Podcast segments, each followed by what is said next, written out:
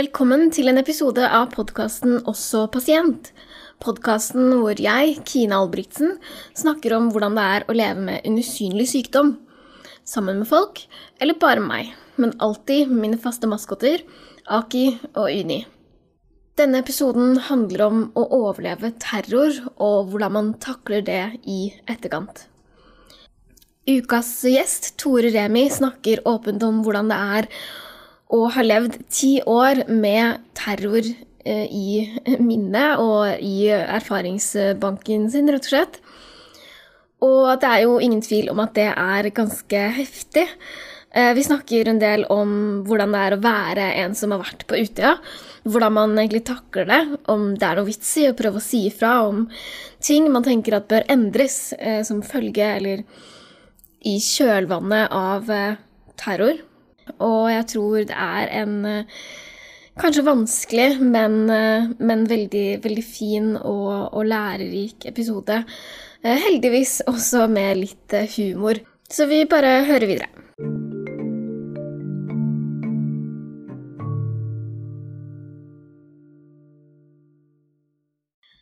Da er vi klare for en ny episode av podkasten Også pasient. Og ukas gjest er Tore. Velkommen. Takk, takk. Er glad for å kunne være med. Så hyggelig.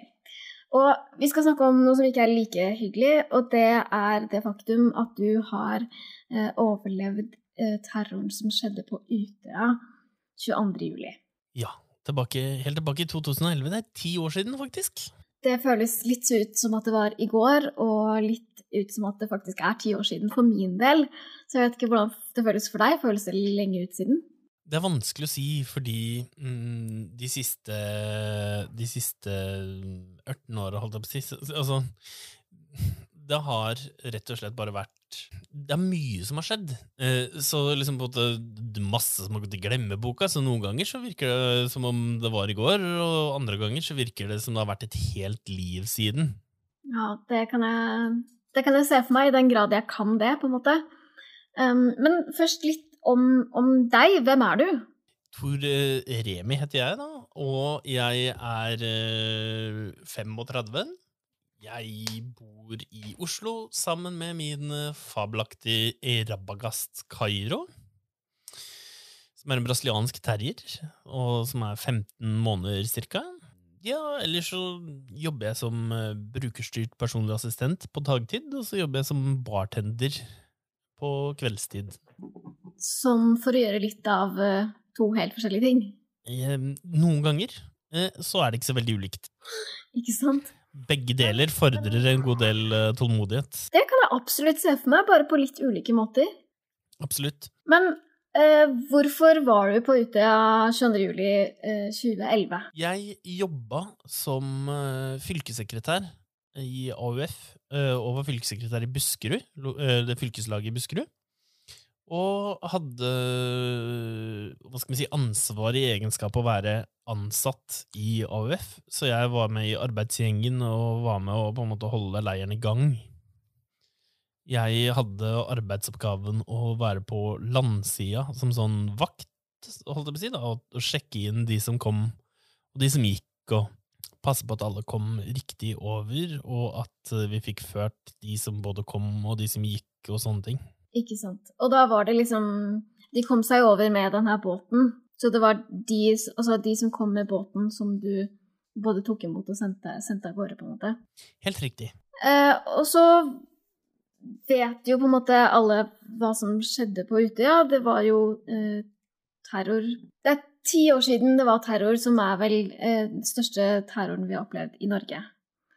Og så er jo spørsmålet i hvert fall når jeg skulle spille inn denne episoden her, eh, så tenkte jeg sånn OK, men hvordan spiller man inn den episoden? Hva, hvordan gjør man det? Eh, jeg har liksom uh, ærefrykt overfor temaet, da, at jeg har lyst til å gjøre ting på en måte riktig både overfor deg, men overfor også liksom hele hendelsen, da. Fordi det er jo liksom noe som er eh, vanskelig å ta i. Jeg føler meg i hvert fall veldig sånn ydmyk som ikke sitter med de opplevelsene du sitter med, da. Så bare en liksom disclaimer først om det, kanskje, som, som, jeg kjenner på da, når dette er tema for, for ukas episode. Ja, ikke sant. Eh, jeg har jo, hva skal vi si, god trening i å snakke om dette. Jeg har snakka mye om det med, med psykologer, med venner, med Jeg har hatt seminarer litt grann, hvor jeg har fortalt om mine erfaringer, og, og liksom type, hva er det som har vært viktig for min del, og, og, og hvordan er det jeg har klart meg på ulike måter opp igjennom. Så eh, for min del så er det jo ikke noe problem. Dette er jo egentlig helt vanlig for meg. Eh, noe som sikkert er litt sånn rart eh, for folk å, å, å tenke over. At, at en sånn ting kan være en helt normal ting, eller den vanligste tingen i verden å snakke om for noen. Men så er det sånn at du har jo, du jo snakka mye om det, på en måte. Så det er jo sikkert også noe med det at det blir en slags sånn treningssak i å, i å snakke om det på den måten, da, i det formatet, på en måte. Ja, jeg har jo mye trening i å, sant, å snakke med eksempel journalister og alt sånne ting. Når jeg har hatt behov for å, å, å, si noe eller løfte en sak, eller, eller, eller snakke om ting som er aktuelle og viktige i forbindelse med det jeg har opplevd. Så eh, for min del så er det liksom ikke Det føles ikke som noe ork eller noe stress. Um, det er på en måte, hva skal man si, opplysningsarbeid. Og det tror jeg er litt viktig. Jeg er helt enig i det. Jeg tenker at det er derfor jeg har lyst til å lage en episode Og fordi at det er viktig å snakke om, og det er um, selvfølgelig alt det som er politisk korrekt, på en måte med at man aldri skal glemme, men, men jeg tenker også at det er viktig å faktisk løfte en del av de temaene og høre på dere, da, fremfor å lukke øynene og, og tenke at man ikke orker. Um, men, men hva opplevde du, på en måte? Jeg kan jo ta lytterne her gjennom eh, hva skal vi si, liksom min, min opplevelse. Og den er eh, hva skal vi si, relativt brutal, vil jeg si. Men eh, det starta jo tidligere på dagen, ikke sant, hvor vi fikk beskjed om alt det som hadde skjedd i Oslo. og, og sånne type ting. Jeg lå i teltet med min eh, hva skal vi si, sidekick eh, for tiden, holdt jeg på å si. Det er liksom en av en av mine sånn, sånn go to eh, Ikke icebreakers, men en slags sånn der type greie. Sånn der at jeg kan si at ja, ja, men eh, eh, Hadde du sex på Utøya 22. juli 2011? og eh, og det er liksom litt sånn kleint, men det er også veldig, det er litt festlig da, å snakke om, spesielt når jeg snakker med ungdomsskoleelever og, og videregående elever og sånne ting. Eh, fordi de bare «Åh, Snakker han om sånt? Og jeg syns det er litt gøy, fordi de blir liksom sånn der type Å, hvor lenge var du sammen? Og sånne ting. Og jeg bare Ja, og jo men, men i hvert fall så går vi jo ned uh, til hver vår uh, leir, holdt opp si, eller sånn type til hver vår camp, og, og, og snakker og får informasjon, sånn type ting. Det blir satt opp informasjon uh, i storsalen nede i kafébygget på Utøya. Og um, en av de tingene som, som skjer der, er jo at man får jo vite litt grann om at, altså, at det har vært et bombeangrep i Oslo, at det var i regjeringskvartalet. Og så, blir det vel, så er det jo mest lyst til å svare på meldinger og liksom litt sånn type ting. Så sender jeg melding til en kompis av meg hvis kjæreste jobba ikke så langt unna eh, regjeringskvartalet. Og, eh, og han ringer meg opp, og mens vi prater på telefonen, eh, så hører jeg de første skuddene. Eh, og så sier jeg at oi, her hørtes det ut som det var noen skudd, sier jeg til han. Og så sier han eh, hva, hva skal, skal jeg ringe politiet? Skal jeg ringe politiet? Skal du ringe politiet? Skal noen ringe politiet? Og så sier jeg nei, jeg veit ikke helt hva som skjer ennå, så vi venter. Og så ser vi hva som skjer. Og så plutselig så kom skuddene nærmere, og så kom det en hel haug med, med leirdeltakere løpende inn gjennom gangen i kafébygget. Og da sa jeg til han godeste kompisen min nå kan du ringe politiet, og så la jeg på. Og så løp jeg nedover gangen, og var på vei ned ut gjennom Lillesalen og skulle egentlig ut på teltplassen, men så hørte jeg skudd der også. Og da snur jeg meg i løpet av brøkdels av et sekund, og så løper jeg inn på et toalett og gjemmer meg der sammen med fem andre mennesker. Og der blir vi mer eller mindre sittende eh, mens alt foregår inne i kafébygget. Jeg husker jeg sa til eh, politimannen da jeg kom på Sundvolden, at jeg huska to skudd. Men på, på I kafébygget var det fyrt av over 60 skudd bare i løpet av den nødsamtalen som eh, hun Renate Tårnes hadde gående, så det var litt mer alvorlig enn det jeg kunne huske. holdt jeg på å si. Men skjønte, vi skjønte jo etterpå at det hadde vært ganske alvorlig. Da, um, for uh, da vi etter to timer uh, skulle gå ut, så så vi jo døde mennesker når vi kom ut. Og, og, spesielt da bare meter unna der vi gjemte oss. Så mm, man kan jo si at vi har hatt uh, veldig, veldig, veldig, veldig flaks, da. Fordi akkurat det handler vel mest om tilfeldigheter på en eller annen måte, da. At du var akkurat der, og at du kom deg inn på den doen, og at det er liksom det, altså, hele hendelsen på Utøya er jo en serie av tilfeldige eh, altså, hendelser, altså liksom historier fordi broren min sto ute på grusplassen utafor kafébygget da, da skuddene kom, og han løp rundt ned i skogen og var ved pumpehuset, og var bare noen meter fra pumpehuset da de ungdommene der ble slakta. Og eh, Og han så jo mye mer, da, eh, enn det jeg gjorde.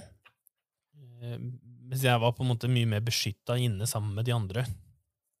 Og vi rett og slett bare eh, Vi organiserte oss selv, holdt jeg på å si. Altså fikk jeg jo kontakt igjen med, med, han eh, som jeg hadde vært på telefonen med. Vi sendte meldinger fra, til og fra hverandre, liksom, med hverandre, som det heter.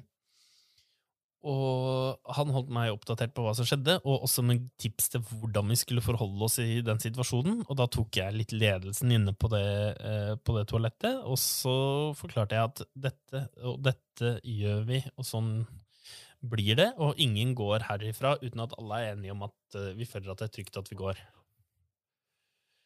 Um, og så eh, er det sånn masse forskjellige typer ting som skjer underveis, men det er liksom sånne små detaljer, sånn som at eh, for eksempel hun ene som måtte på do, og så sier vi at vi er jo på do. og, og, og, eller da, da, disse Da var to stykker som hadde brus uh, med seg, for eksempel, og vi begynte å bli tørste. Det, ganske, det er ganske varmt å være inne i en sånn to kvadrats, eller knapt to kvadratmeter doavlukke uten um, ventilasjon, eller særlig med ventilasjon. Eh, så vi eh, rett og slett eh, Eller jeg bestemte at den brusen skulle rasjoneres. Og det var én til to slurker per forsyning. For vi visste ikke hvor lenge vi kom til å være der, og sånne type ting. Så det var jo der og, og Da hadde vi valget mellom enten å gjøre det på den måten, eller å hvis vi ble veldig tørste, eh, drikke fra skåla. Og det var det ikke så veldig mange som hadde lyst til. Nei, og det sier noe om at det er to timer. Jeg tror det slår meg igjen og igjen og igjen når jeg hører om ute at det er snakk om bare et par timer. Fordi hele dagen er for meg spist opp av nyhetssendinger og bekymring og bare eh, sjokk egentlig. Og det er, det er, liksom Det setter det et eller annet perspektiv, da. At det var bare to timer, men samtidig hadde de to timene så mye å si. Ja, og det var kanskje det som har slått meg litt i ettertid, at alt skjedde på såpass kort tid, for det virka ikke som det tok så kort tid. Det virka som vi var der inne en evighet. Så jeg vet liksom ikke hva jeg skal si, men det er liksom ikke akkurat det jeg har gravd mest i. Eh, nå, var jeg også, nå har jeg begynt i sånn traumebehandling, holdt jeg på å si, sånn, og vi skal gjøre det litt annerledes enn det som har vært gjort tidligere, for tidligere har vi ikke hatt så veldig mye fokus på hendelsen, men det å liksom på type leve i nået og liksom fokusere på de tingene. Men det har jo ført til at det er en god del ting som ikke er helt bearbeida i forbindelse med, med, opplevelsene mine? Og, som er, eh, og som har kanskje ført til at det har grodd fram en god del sånne PTSD-symptomer. Eh, eller som jeg så på Criminal Minds, hvor de likte å kalle det PTSS. Altså at de kalte det syndrom og ikke en disorder, fordi eh, det er jo ikke en sykdom på en måte. Det er eh, eh, Det er jo mer symptomer på opplevelser, ikke sant? Ja, fordi det, Hvordan har det vært de, de ti åra? Og du sier at du kommer ut, og så sier du at jeg hørte to skudd mens jeg satt der inne. Og da har jo hjernen din enten eh, mest sannsynlig fortrengt, da, vil jeg tro, ganske mye av den informasjonen allerede da om det som har skjedd.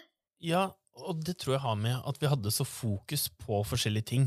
Ikke sant? Altså, jeg hadde fullstendig fokus på å sørge for at vi, vi, altså at vi skulle klare oss, holdt jeg på å si, og også sende meldinger, for eksempel. Vi var jo sikre på at du skulle dø. Eller jeg var, tenkte det mange ganger, i hvert fall. Eh, så sendte jo meldinger til, til, mange. Jeg sendte til og med melding til eksen min og sa at jeg fortsatt elsket henne. Og sånne type ting. Og har allerede fått seg ny kjæreste. og, og det er fryd og gammen, og i dag er jo de gift og har barn, og, og, og, der er jo det fryd og gammen, ikke sant? Um, men, men, det står jo igjen som en sånn stor uh, greie, da. At man på en måte prøver, altså liksom på en måte sier eh, forskjellige ting. Det er jo kanskje på en måte, hva skal vi si, det mest intense delen av en god del. altså I hvert fall på den verste siden.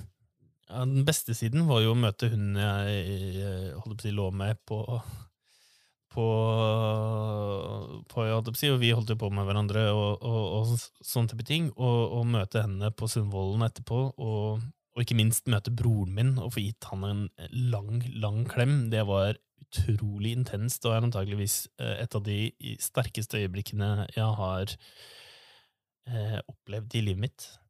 Tenkte du mye på de da? Altså da du var inne på de toalettene, eller var det noe du ikke hadde overskudd til å tenke på? Det, jeg husker ikke alt, rett og slett. Og sånn type hva som gikk gjennom hodet mitt uh, der og da. Men fokuset var jo uh, egentlig helt andre steder. Uh, fokuset var jo mer i, i, i, survival mode, holdt jeg på å si. Ja, og at man ikke har liksom Altså, man har kanskje ikke kapasitet til å tenke på så mange ting samtidig når man er så i akutt krise og en reell livsfare, da, som du jo faktisk var i i aller høyeste grad.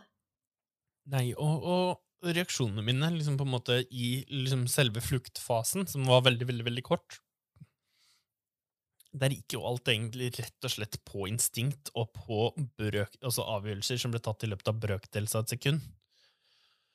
Og det er eh, Og det er snodig å tenke på, eh, og sånne type ting. Så, eh, fordi andre igjen, ikke sant, eh, tok jo andre avgjørelser som førte de på, på steder som, som, fikk fatale konsekvenser. Og, eh, og, det å dvele med hvordan man eh, gjorde, gjorde ting da, på Og da Det er eh, en ganske destruktiv eh, mental øvelse, for å si det sånn. Ja, altså um kan du si noe om hvilke følelser det liksom vekker? Blir du aller mest redd over at det kunne gått uh, så mye verre, eller tenker du at det var flaks, eller hva, hva er liksom den første innskytelsen når du tenker oi, det var de avgjørelsene jeg tok, egentlig litt sånn uten å være klar over det? Først og fremst så føler jeg meg ekstremt heldig. Og det er vel kanskje noe av det viktigste, noe av det viktigste som jeg har hatt med meg, på en måte, at uh, at det var en god dose flaks, men det var også avgjørelser som ble fatta i løpet av brøk av et sekund. Så jeg tenker jo Hvis jeg skal mane fram litt selvtillit ofte eh, som, Den er ikke alltid like stor, for å si det sånn, men eh, hvis jeg skal mane fram litt selvtillit, så, så mm, går det veldig i, i at eh, dette er det ultimate beviset på min handlekraft, da, på en måte og eh, at jeg var i stand til å ta avgjørelsen, holde hodet kaldt og holde hodet kaldt gjennom også den tiden vi venta på at politiet skulle komme inn.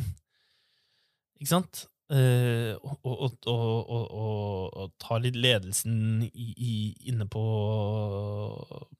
på toalettet. Så det er sånn Det er småting som på en måte Hva skal man si? Gir en sånn rar form for mestringsfølelse. Da. og, og, og, og, denne vissheten om at, at vet du hva, jeg er faktisk i stand til å holde hodet kaldt og ta rasjonelle avgjørelser. Og det, det er faktisk eh, eh, ganske viktig. Ja, det har vært en eh, Jeg har vært opptatt av å prøve å finne mestringspunkter da, på en måte i, i, i det som skjedde, og, og litt også sant, i, i, ettervirkningene og sånne type ting, hvordan jeg har håndtert ulike situasjoner i ettertid. En av de tingene som jeg har fått mest i ettertid, det er jo tålmodighet eh, og, og, evnen til å, til å øh, til å, Jeg har fått litt lengre lunte uh, innimellom. Um, fordi jeg har tradisjonelt sett hatt litt kort lunte. Uh, og jeg kan fortsatt ha litt kort lunte når jeg liksom på en måte virkelig gønner på og brenner for noe. ikke sant? Så, så kan det gå ei kule varmt. No pun intended. Ja. Oi! Ja, nei, det ser du. Apropos dette med, med, med, no pun intended og sånne type ting. Eh, det har jo skjedd noen sånne ufrivillige sånne opp igjennom også, ikke sant? Eh, hvor eh, hvor, hvor galgenhumoren står ganske høyt mellom oss som det. Og eh, noen av vennene mine eh, Ja, nei, vi har hatt vår vår andel, hva skal man si, litt sånn type ting. Jeg har ei venninne, for eksempel, som, eh, som, hadde et skudd som sneia hodet hennes. Eh, og en gang så presterte jeg å spørre henne om hun var helt skutt i hodet, da, etter at hun hadde sagt noe dumt, og hun bare kikker dumt på meg og sier ja. Ja, kan, kan man tulle med det? Eh, jeg mener at det ganske, eh, skal være ganske lav terskel for å kunne tulle med det man har opplevd. Og så er det litt sånn um, Andre ting uh, som ikke er så uh, fett at man kødder, kødder, med, for eksempel. Ikke sant? Også, uh, det må være sånne åpenbare, litt sånn festlige ting, i hvert fall. Og så er det, det er vanskelig å si.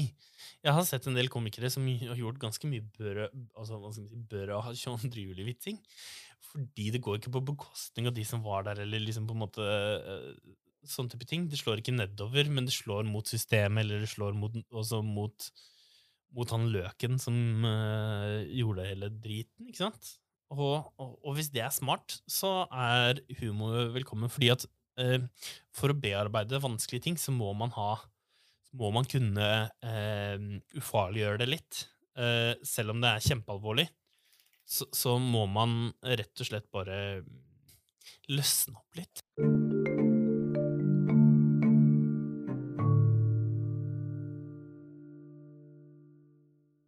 Men eh, det er jo ikke rart at det får eh, konsekvenser i etterkant. Vi har jo sett mye i media, både folk som har fysiske skader, og folk som, som har PTSD spesielt, da, logisk nok, det er jo en av de, de tingene som er på en måte helt sånn tekstbook eh, Å få PTSD av er jo store traumatiske hendelser, eh, og det er jo Utøya ja, uten tvil. Eh, hvordan har det vært for deg? Det har vært en berg-og-dal-bane, vil jeg si. Uh, nei, men ja. Uh, det er litt sånn uh, tekstbook Eller sånn hele opplevelsen har jo vært en berg og altså i ettertid har jo vært en berg-og-dal-bane. Eh, og man vet liksom aldri helt når ting slår til, eller hva som på en måte virkelig trigger en del eh, ting. Det er ganske intenst nå.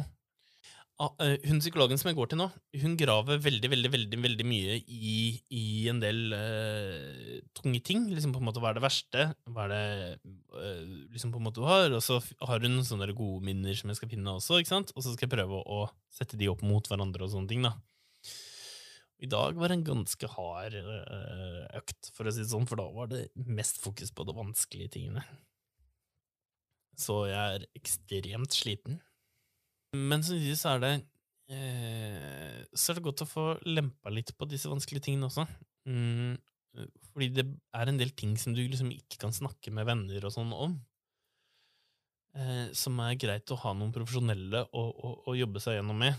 Og hun her har en klar plan, og det har jeg savna litt. Eh, fordi når jeg har vært hos DPS Dette er tredje gangen jeg er hos DPS. Eh, første gangen så var det kjempefint, og da var det akkurat det jeg trengte, men vi gravde ikke så særlig dypt i meg. Eh, andre gangen så tror jeg ikke helt han skjønte hva han holdt på med, eller at vi snakka helt på samme greie. Jeg tror vi snakka litt forbi hverandre. Men nå kjenner jeg at det er mye, mye som kommer. Eh, og det er bra. Og det gjør at jeg får jobba mer konstruktivt med en del av opplevelsene mine. Og jeg tror jo at det er den store eh, greia, at uh, det er ikke alle som har fått gjort det ordentlig, eller som har hatt god måte, men folk er jo på forskjellige måter, og folk trenger jo forskjellige ting for å jobbe med huet, ikke sant? Og jeg tenker at når de eh, Det bør jo være en, altså en god psykologs jobb burde jo være å finne ut hvordan kan vi jobbe best mulig med, med, med ting. Men,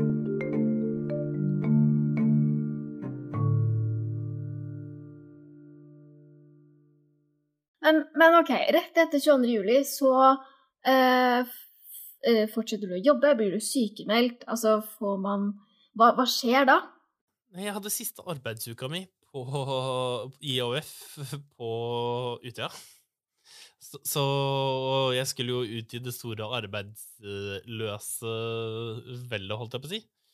Eh, Men så ble jeg sykemeldt, i hvert fall, så jeg fikk jo i hvert fall sykepenger, sånn at jeg kunne eh, Sånn at jeg i hvert fall ikke treng, trengte å streffe, streffe stresse med å finne jobb. Men rett etterpå så øh, søkte jeg og fikk jobben som elev og lærlingombud i Buskerud.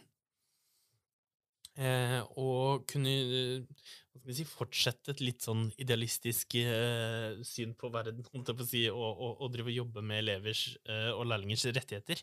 Og det var veldig, veldig veldig givende for min del, og kanskje akkurat det jeg trengte. ikke sant, En ni til fire-jobb, eh, hvor du kunne legge igjen jobben når du var ferdig på, for dagen, og, si, og så jobbe sånn konkret med, okay, med enkeltsaker eller med, eh, med ting som trengte oppmerksomhet. da.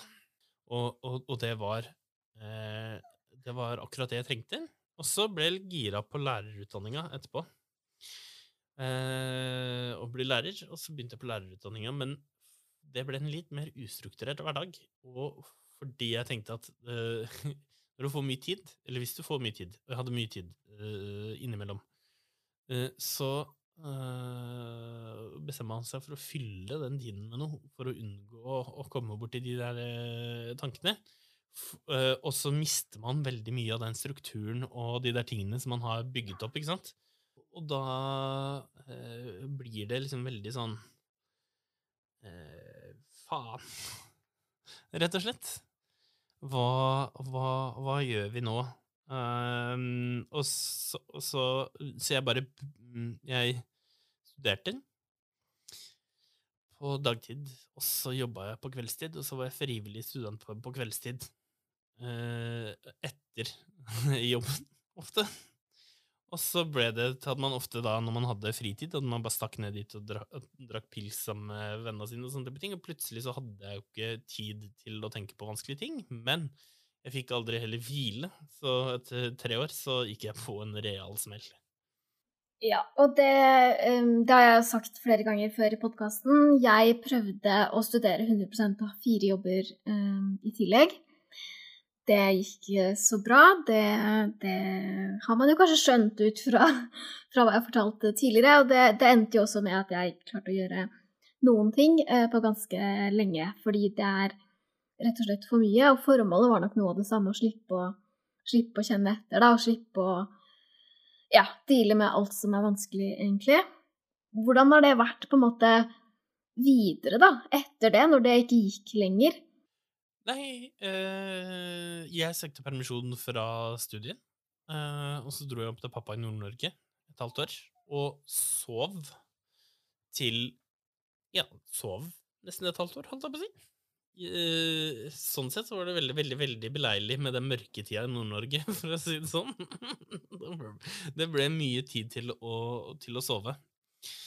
Eh, og det var ikke så vanskelig å få sove heller, fordi ikke, du hadde ikke den lysstøyen og sånne type ting. Og når du er utmatta, og når du er sliten, og du i tillegg har eh, litt andre ting og sånne type ting, så er det så er det, så jeg måtte bygge meg sakte opp, og, så, og, og det rareste jeg gjorde, egentlig, sånn type ting, og som funka mest, var at jeg først begynte å spille eller så, Å ha klare mål om å liksom på en måte eh, komme så og så langt i spillet på Xbox, og, og sånne ting, og ha noe å ha et klart fokus på.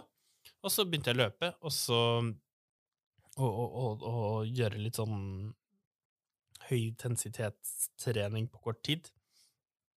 Bare for å liksom, få i gang kroppen litt og, og sånne type ting. Og det hjalp, uh, det hjalp litt. Begynte på studiet igjen. Uh, men, men, Og det, det, er så innmari frustrerende, fordi da Det, altså, det smalt igjen. Eh, fordi jeg måtte jo jobbe ved siden av studiene, fordi det er ikke mulig å bo i Oslo og studere samtidig. Og eh, den jobben jeg hadde, var jo da eh, ganske krevende. Det var en telefonvaktjobb. Og den øh, tok mye mer av kveldene mine enn jeg hadde regna med. Så jeg fikk ikke den, den, balansen som jeg egentlig var ute etter, så da gikk jeg på en smell igjen. Og så fikk jeg egentlig utskrevet angstdempende medisiner. og så turte jeg ikke det helt til å begynne med. Men året etter ble jeg sjuk igjen eh, og ekstremt sliten, og da var det bare sånn type Da sa fastlegen Nå, Tore, nå går du eh, nå, nå, går du, og så ringer du meg etter at du har gått ned på apoteket og henta ut medisinene, fordi nå skal du begynne på de angstdempende medisinene, for du må det. Og, og det har hjelpa litt. Det har det. Eh, men nå, det, nå er jeg blitt så vant til det, nå har jeg gått på det i nesten tre år. Eh, og nå er det blitt en del av normalen. Uh, men det som har vært fint med medisinene, har jo vært at har mye, det har vært litt lettere å få kontakt med hva skal si, gamle meg. Og, og sånne type ting. men samtidig så er det ganske frustrerende, for jeg, gamle meg, er ganske distré. Så jeg glemmer jo disse medisinene fra tid til annen det er vanskelig liksom, type, å forholde seg til, så egentlig så har jeg litt lyst til å gå av medisinene. Men samtidig så innser jeg jo også at eh, det har nok hatt en effekt, så jeg tør ikke helt å gjøre det heller. Og da, da blir det Da blir det Da blir det sånn, da. Men, men har du slitt mye med eh, angst, åpenbart, da, men, men, flashback så er det på en måte ting som er knytta til Utøya som har vært det som har plaga deg, eller har det vært en mer sånn generell følelse av et eller annet, siden du ikke har eh, bearbeida liksom, dine opplevelser i så stor grad før, før, nå, da, når du har begynt med det? Det er en vanskelig ting, tror jeg, å finne helt ut av. Men eh, det er nok en salig kombinasjon.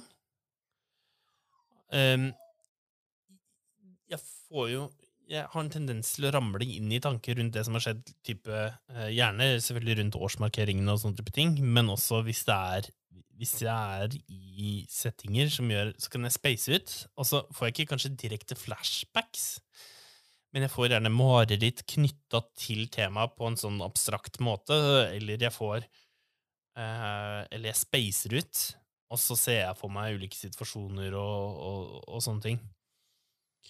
Og, eh, tenker gjerne hva kunne jeg gjort annerledes? Kan jeg, liksom, jeg kan havne inn i sånne kaninhull som det der, da.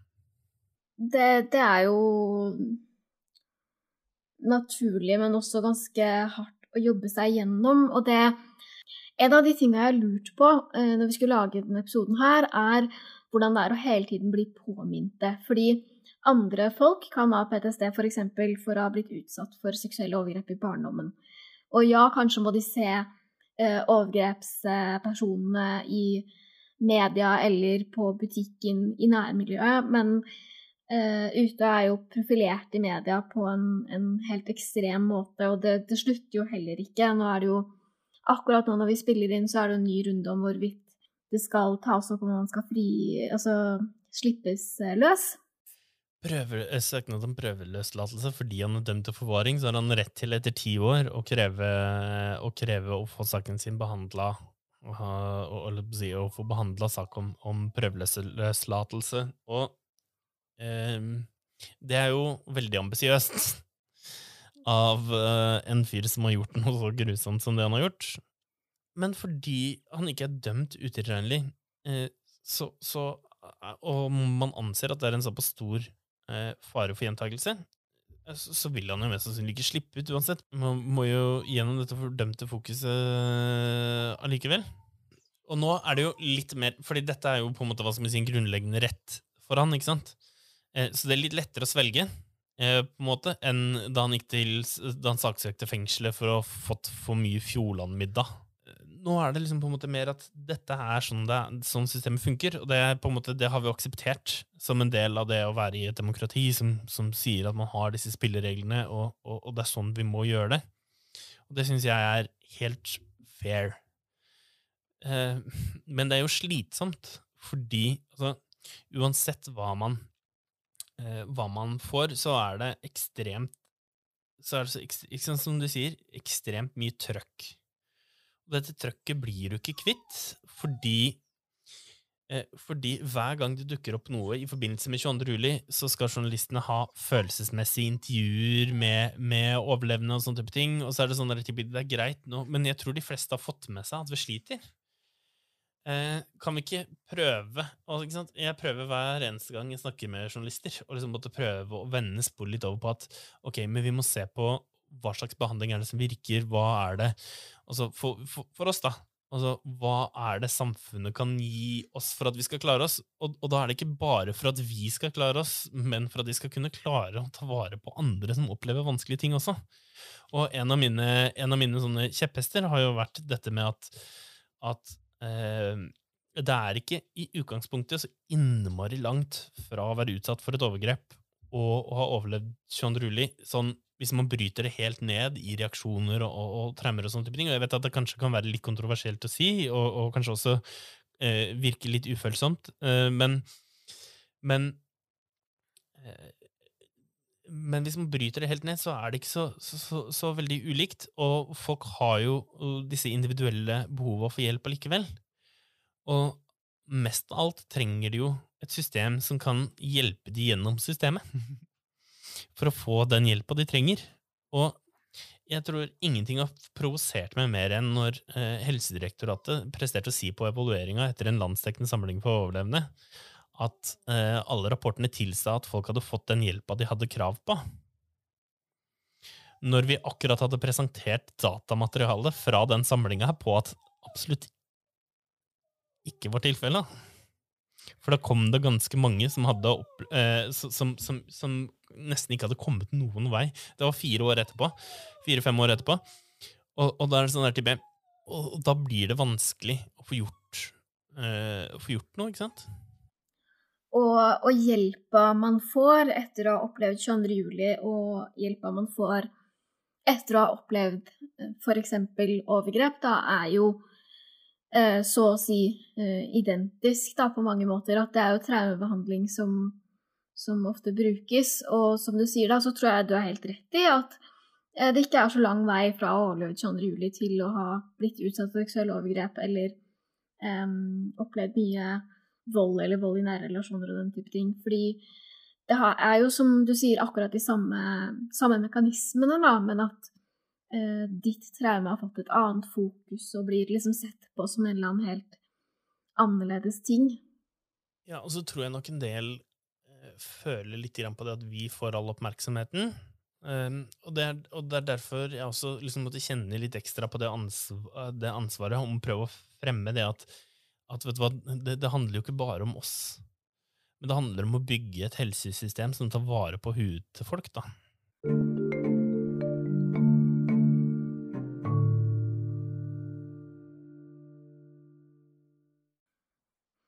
Men, men, apropos det å liksom bli kjent igjen, da, for du har jo vært litt i media nå om 22. juli, eh, eller ikke nå, de siste ti åra har du vært i media eh, om 22. juli. Og Um, og hvordan er det å være en av de som har vært på Utøya? Det er jo Det er jo en, en, en personlig belastning. Men så blir det jo også på en måte en slags offentlig belastning også, fordi jeg kan jo være på jeg kan, jeg kan være på fester, og så er det noen som finner ut at de på død og liv, for å få litt oppmerksomhet selv og sånn også, kan finne på å oute meg som han som var på Utøya. Og det er så intenst slitsomt. Og det er en grunn til at jeg flytta fra bygda mi også. Jeg kunne ikke gå over på, på puben i Sande uten at folk liksom på en måte hele tiden skulle øh, spørre. Og liksom, er det greit, kan du fortelle litt, og sånne ting. Og det er problematisk. For du vil jo ikke være den fyren. Du vil jo være han Tore som de alltid har kjent, ikke sant? Eh, og da da vet ikke, og så er du i media, fordi du, du prøver sånn innimellom ikke sant, å ta disse kampene som er så innmari viktig. Og så får du ikke Får du ikke det gehøret du håper på. Det, det er også slitsomt. Og som jeg snakka litt med psykologen om tidligere i dag, så er det det der med at vi Det har vært slitsomt i år fordi også mm, folk ikke sant, Pressen har liksom sagt at og nå, de, nå skal vi være ydmyke, nå skal liksom en måte folk endelig få komme med historiene sine, nå skal vi, nå skal vi, nå skal vi ta oss sammen, skal vi ta dem på alvor og sånne type ting. Men hvorfor skulle det ta ti fuckings år, da? Det er uh, hinsides min fatteevne på mange måter. At, at alt dette skal ta så ta, altså, ta så lang tid. Og så får folk kudos for å endelig stå fram, og det fortjener de i aller høyeste grad. Men så glemmer de de som har gått i bresjen i forkant, og liksom på en måte prøvd å pløye jordet.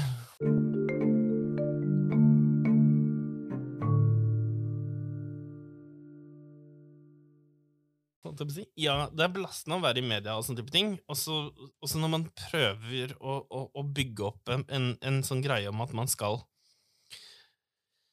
få folk til å lære, og så, og så drar man den vilje, og så får man ikke noe drahjelp i det hele tatt. Og så, og så sier pressen at um, ok, nå, nå skal vi ta oss sammen, nå skal vi være ydmyke, nå skal vi, nå skal vi, nå skal vi, nå skal vi høre på dere.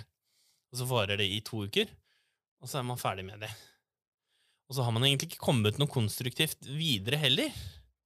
Føl, uh, sitter jeg igjen med følelsen av, i hvert fall. Og det, det er sikkert bare følelsen, minnet, som på en måte spiller meg pust der, men, men det føles i hvert fall ut som at den samme gamle skravleklassen da, uh, går igjen, og så sier de en hel masse ting som er riktig der og da, og så hopper de videre til neste ting. Og det er på en måte greit, for det er jobben deres, ikke sant? Men men de har liksom fått De har liksom ikke fått gjort det de skal heller, da.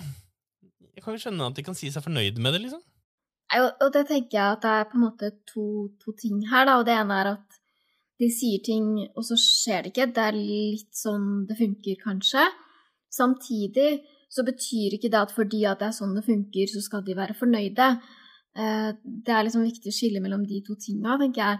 Men jeg lurer også på hva, hva du og de andre prøver å si som er ubehagelig for dem å høre etter på. Fordi det er jo tydelig at siden det ikke bare er å fikse det for dem, så er det et eller annet som er vanskelig, vanskelig å fikse. Eller tenker du at det er noe viktig de trenger å vite som de ikke har forstått omfanget av, eller hva, hva ligger liksom der? Altså, det er den samme gamle berøringsangsten, mm, tipper jeg. Liksom på en måte At det er såpass vanskelig, og så, og så er man redd for å si feil ting. Så er man redd for å gjøre feil ting. Men er det så vanskelig? Jeg føler at Jeg går jo inn i, i podkastsamtaler med tanken om at uh, jeg spør fordi jeg er nysgjerrig og interessert, og jeg bryr meg. Uh, og så må det være mottakeren sitt, sitt valg å si nei, det vil jeg ikke snakke om, eller det vil jeg ikke svare på, eller det, det kan du ikke ta med. Og så er det på en måte så sin sak. Men jeg opplever jo at man kan spørre og snakke om veldig mange ubehagelige ting så lenge det er med en god intensjon. Absolutt. Og det er liksom Og det er det som er eh, kjernen, tenker jeg. At man Og man har nok hatt en god intensjon, med liksom på en måte dette rushet med liksom at nå skal vi ta med folk på alvor og, og liksom måte høre og sånne type ting. Og så syns jeg eksempel at man stoppa for tidlig med å gå etter de kommunene som brukte skjønnsmidlene til psykososial oppfølging etter 22. juli på helt andre ting enn det det egentlig var, altså, som var intensjonen. ikke sant? Kommuner som ikke hadde noen berørte, som brukte det på å dekke opp budsjettunderskudd og sånne type ting. Helt på trynet, ikke sant? Og, og at ikke hoder har måttet rulle. Uh, pun fuckings intended. Uh, er, er, rart, rett og slett. Altså at man ikke har drevet seriøs, god gravejournalistikk på, på de der tingene der. Fordi dette er, mener jeg, også totalsvikt på kommunenivå. Uh, og det er ikke sånn nødvendigvis at, at altså, pengene burde altså, jeg hadde vært fornøyd hvis pengene hadde vært brukt til å styrke det psykososiale arbeidet i kommunen. ikke sant? Så, sånne type ting, For da hadde man visst at da, da tar kommunen det til seg, og så gjør de noe med det. ikke sant? Og bygger opp et team, og bygger opp kompetansen i kriseteam, for eksempel, og sånne type ting. Um, og spesielt små kommuner har stor, stor nytte av, av å gjøre sånne ting, ikke sant? Så jeg veit ikke. Jeg syns det, eh, det, er merkelig. Uh, at liksom man ikke tar tak i de strukturelle problemene rundt det, fordi at ringvirkningene er såpass store, og det vil komme flere enn bare oss som overlevde Utøya til gode. Og, og, og, det er som jeg har sagt sikkert tusen ganger allerede i løpet av dette opptaket, at, uh, at det har vært en stor kjepphest for meg, og det å, å, å, få til det, eller i hvert fall prøve å gjøre folk oppmerksom på det, at Eh, det, det krever ikke så veldig mye mer enn en god systemforståelse for å bygge opp et system som tar vare på folk. Fordi det er rom i systemet, mer enn nok rom i systemet, til å håndtere kriser, fordi kriser skjer ikke så ofte. Um, men man må trene. Man må, man må trene, man må øve, man må snakke, Eh, og man må ha kontinuerlig kompetansepåfyll hele veien. Og, det er bare sånn man kan møte folk med den respekten de fortjener når de har vært utsatt for noe som er jævlig. Og det er ikke vanskelig å spørre oss som har opplevd noe jævlig heller, for vi deler mer enn gjerne med, av våre erfaringer, fordi vi er jo opptatt av at ok, så gikk det ikke så bra med oss, men veldig mange er jo kjempeopptatt av at i hvert fall neste person i rekka skal kunne, skal kunne få det sånn som, eh, sånn som de fortjener. Og det syns jeg liksom er en viktig ting å ha med seg, sånne typer ting. Og det er eh, mye av det som holder meg oppe, eh, rett og slett, etter John Drully, har jo vært de, der, de forsøkene på å, ta, på å ta de der kampene, fordi man føler jo at man vil gi noe igjen. Og så kan man jo diskutere om det er et utslag overfor altså si Survivors Guild eller, eller, eller, eh, eller, den der type At man vil eh, kompensere for at man følte at man ikke gjorde så mye, eller fikk gjort alt det man gjerne skulle ønske at man gjorde den dagen, og, og, og sånne ting. ikke sant? Men, men det er så innmari viktig at man bare eh, hører på og lytter, og, og at man har noen gode organis organisatorer rundt omkring som på en måte kan bare ta tak og bare si at vet du hva, sånn må vi faktisk gjøre for å få det um, For å få ting på stell.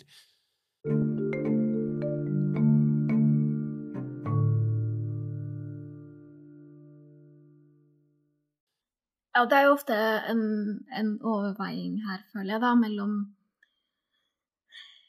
mellom hva tør vi å ta tak i, hva kan vi ta tak i, og hvordan skal vi gjøre det. Eh, og derfor så er jeg jo veldig glad for at du vil komme hit og si noen ord om det, fordi jeg blir litt sånn litt betenkt og på en måte litt eh, rørt, hvis det er lov å si, eh, fordi jeg tenker at det hadde vært så bra da hvis det var et system som faktisk fungerte bedre, og som var mer optimalt. Fordi som du sier, det gjelder mange. Eh, og ikke bare dere som har overlevd Utøya, men jeg tenker også at det er ganske sånn mm, stort da å ønske det for noen andre eh, selv om det har gått ti år eh, for din del, da, og det ikke Altså, har det gått bra, har det gått dårlig? Det er jo ikke opp til meg å definere, men du har jo sagt noe om at du også har hatt ganske negative mestringsstrategier opp igjennom. Jeg har hatt både positive og negative mestringsstrategier, og jeg har hatt bra perioder og jeg har hatt dårlige perioder, og sånn er jo livet generelt, ikke sant?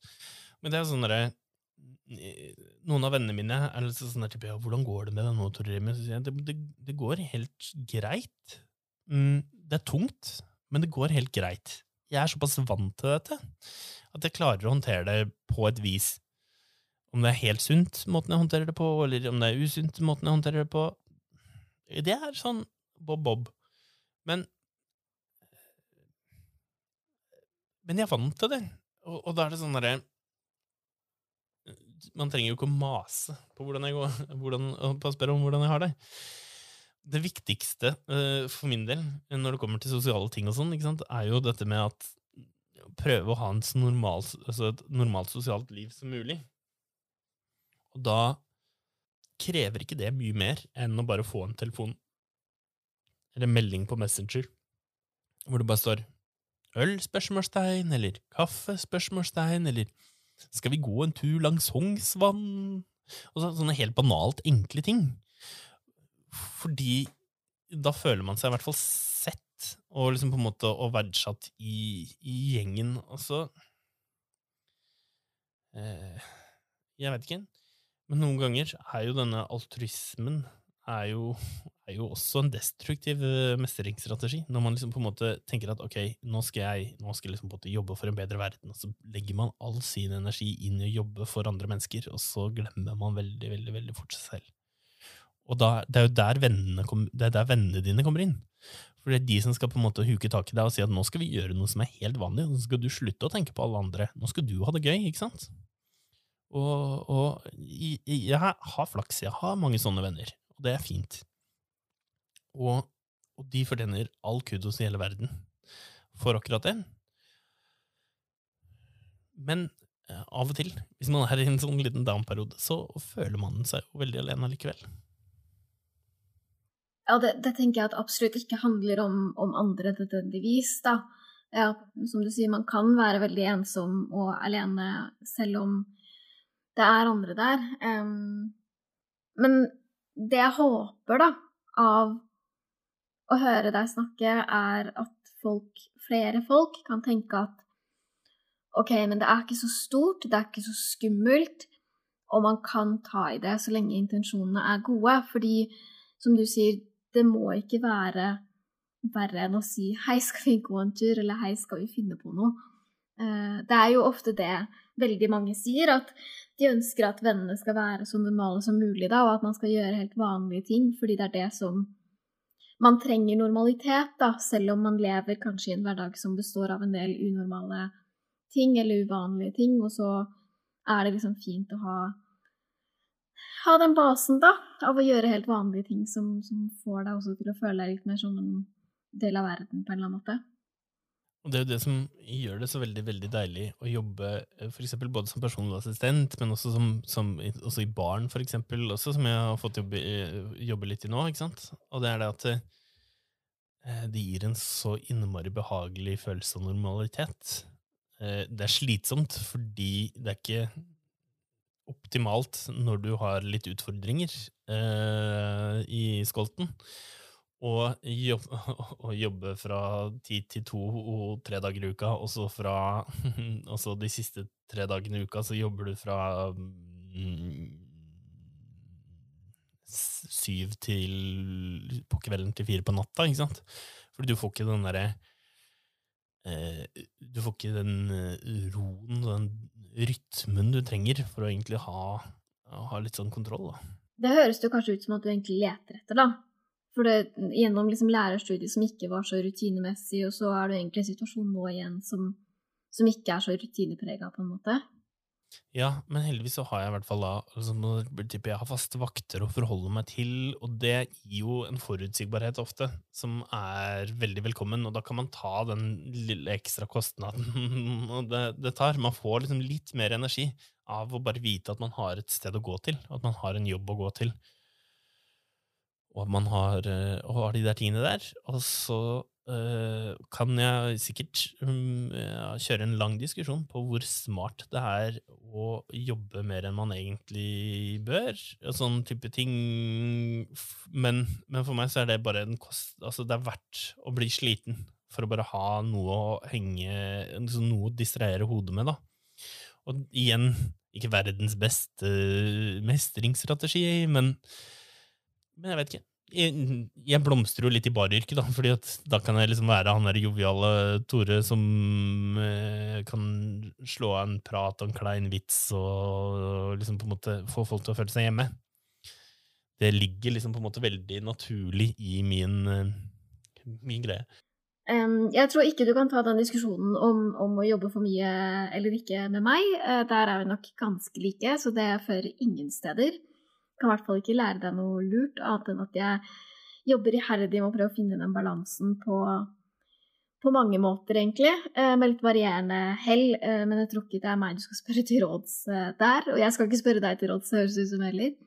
Nei, men jeg tror det er en sånn vanlig ting eh, blant oss som har eh, litt å stri med. eh, at vi finner smarte måter, eller det vi tenker er smarte måter å løse ting på, og så er det ikke så innmari smart allikevel. Er det, er det noe du tenker at vi må snakke om som vi ikke har vært gjennom? Jeg tenker at vi har vært innom det meste som er på en måte verdt å snakke om. Og hvis ikke, så får vi bare ta det i en oppfølgingsepisode i en framtidig podkast hos meg. Ja, enig. Eh, Tore eh, planlegger å starte podkast. Jeg har sagt at jeg kan stille som, som gjest når det er ønskelig, så da kan vi jo gjøre det. Men jeg var veldig glad for at du hadde lyst til å komme hit. Det satte jeg veldig pris på. At det ville være gjest i Også pasient. Jeg satte også veldig stor pris på å bli invitert også. Da er det bare én ting igjen å si, og det er ha det bra. Ha det godt!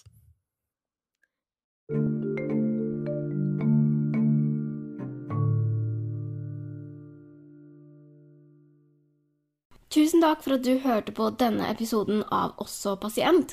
Sjekk ut de andre episodene hvis ikke du har hørt de fra før. Og har du lyst til å støtte arbeidet jeg gjør, så kan du kjøpe meg en kaffe. Linken ligger i episodebeskrivelsen. Du kan også følge meg på Instagram, ogsapasient, altså også pasient med A og ikke Å. Gjør det, da. Legg igjen en kommentar eller en like eller et eller annet, så ser jeg at du hører på, så vet jeg at du eksisterer. Det er et prosjekt, det her, med også pasient som går toveis, og det er veldig hyggelig om dere gir en liten lyd fra dere, enten i form av kaffe, like, rating, en follow, et eller annet, så vet jeg at dere er der ute. Takk skal du ha.